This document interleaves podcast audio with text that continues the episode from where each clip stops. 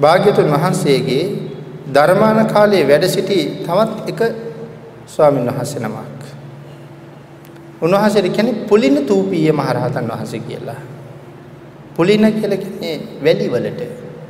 පුලින තූපීය මහරහතන් වහන්සේගේ කතාව. මේ පුලින තූපීය මහරහතන් වහන්සේ උන්වහන්සේගේ අම්මයි තාත්තයි හැමදාම භාග්‍යතුන් වහන්සේට වන්දනා කරනවා. මේ භාග්‍යතුන් වහන්සේ ජීවමානව වැඩ ඉන්නවා. නමුත් මේ දෙන්න වඳින්නේ gedara තියෙනවා කරඬුවක්. ඒ කරඬුවටයි වඳින්නේ. හැමදාම භාග්‍ය සමාජ භාග්‍යතුන් වහන්සේ දුර ප්‍රදේශයක වෙන්නේ වැඩ ඉන්නේ. මේ කරඬුවේ වැඩ ඉන්නවා 13 වහන්සේලා. දැන් එතකොට භාග්‍යතුන් වහන්සේ වැඩ ඉන්නකොට කොහොමද 13 වහන්සේලා ලැබුණේ? සඳහන් කරනවා මේ කරඬුවේ වැඩ ඉන්නේ කපටික ධාතුන් වහන්සේලා කියලා. කපටික ධාතුන් වහන්සේලා කියන්නේ ලෞතර බුද්ධ රාජ්‍ය ලබන්න සෙවණ ලැබලා දුන්න විජයශ්‍රී ජයශ්‍රී මහා බෝධිරාජයන්න් වහන්සේගේ පොත්ත. බෝධියෙන් ගැලවිලා වැටෙන පොත්ත මොන තරම් ආනුභාව සහිතද? එතකොට භාග්‍යතුන් වහන්සේගේ කරුණාව උන්වහන්සේ පරිහරණය කරපු දේවල් තුලින් පවා අපිට අපිට ලැබෙනවා. මේ පොත්තක් තමයි අරගෙන ගිහිල්ලා කරඬුවක තැම්පත් කරගෙන වඳින්නේ. ජීවමාන සංඥාවෙන් උදේ හවස වඳිනවා. ඒ විතරක් නෙමෙයි පසළොස්වක පොය දවසට බුදුරජාණන් වහන්සේ ජීවමානව ඉන්නවා කියලා හිතාගෙන එළි වෙනකන් උපස්ථාන කර කර වඳිනවා. මේ අම්මයි තාත්තයි. මේ වෙනකොට දරුවා දරුවා පුංචි. අම්මයි තාත්තයි එළි වෙනකන් වඳිනවා. පොඩි එක්කෙනා ගිහිල්ලා කරඬුව දිහා බලාගෙන ඉන්නවා. කරඬුව තැම්පත් කරලා උච්චාසනේ වඳින්නේ. මේ වඩා හිඳවලා තියෙන ජීවමාන බුදුරජාණන් වහන්සේ වඩා හිඳවලා ඉන්නේ.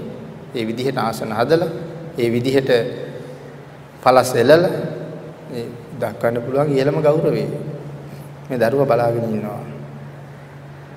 බලාගෙන ඉන්නකොට මෙයාගේ සංසාර සිදුවීමක් අවදි වෙන්න පටන් ගන්නවා.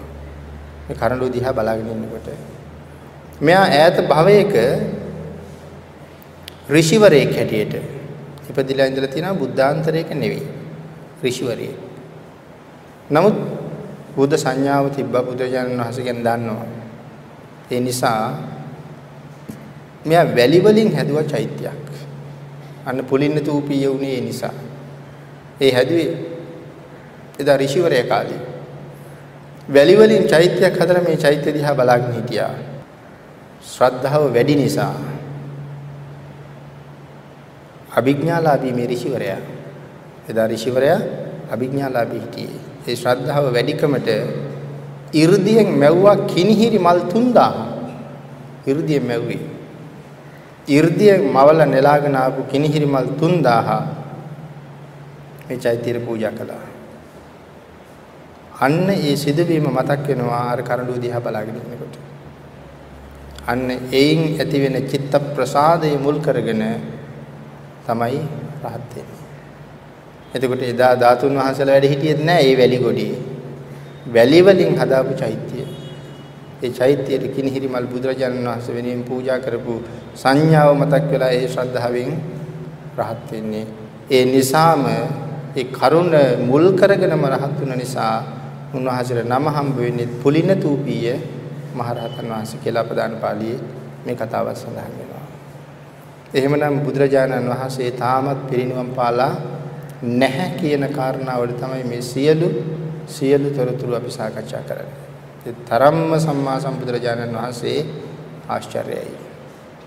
මේ පුලින තූපීය මහරහතන් වහන්සේ රහත් භාවයට පත් වෙන්නේ හත් අවුරුදු වයසේ. අවුරුදු 7යි පොඩි ළමයාට. අවුරුදු 7 කෙනා තමයි කරඬු දිහා බලාගෙන ඉඳලා රහත් භාවය ලබන්නේ. ඒ අර පෙර පෙර බුද්ධ උපස්ථානයේ පින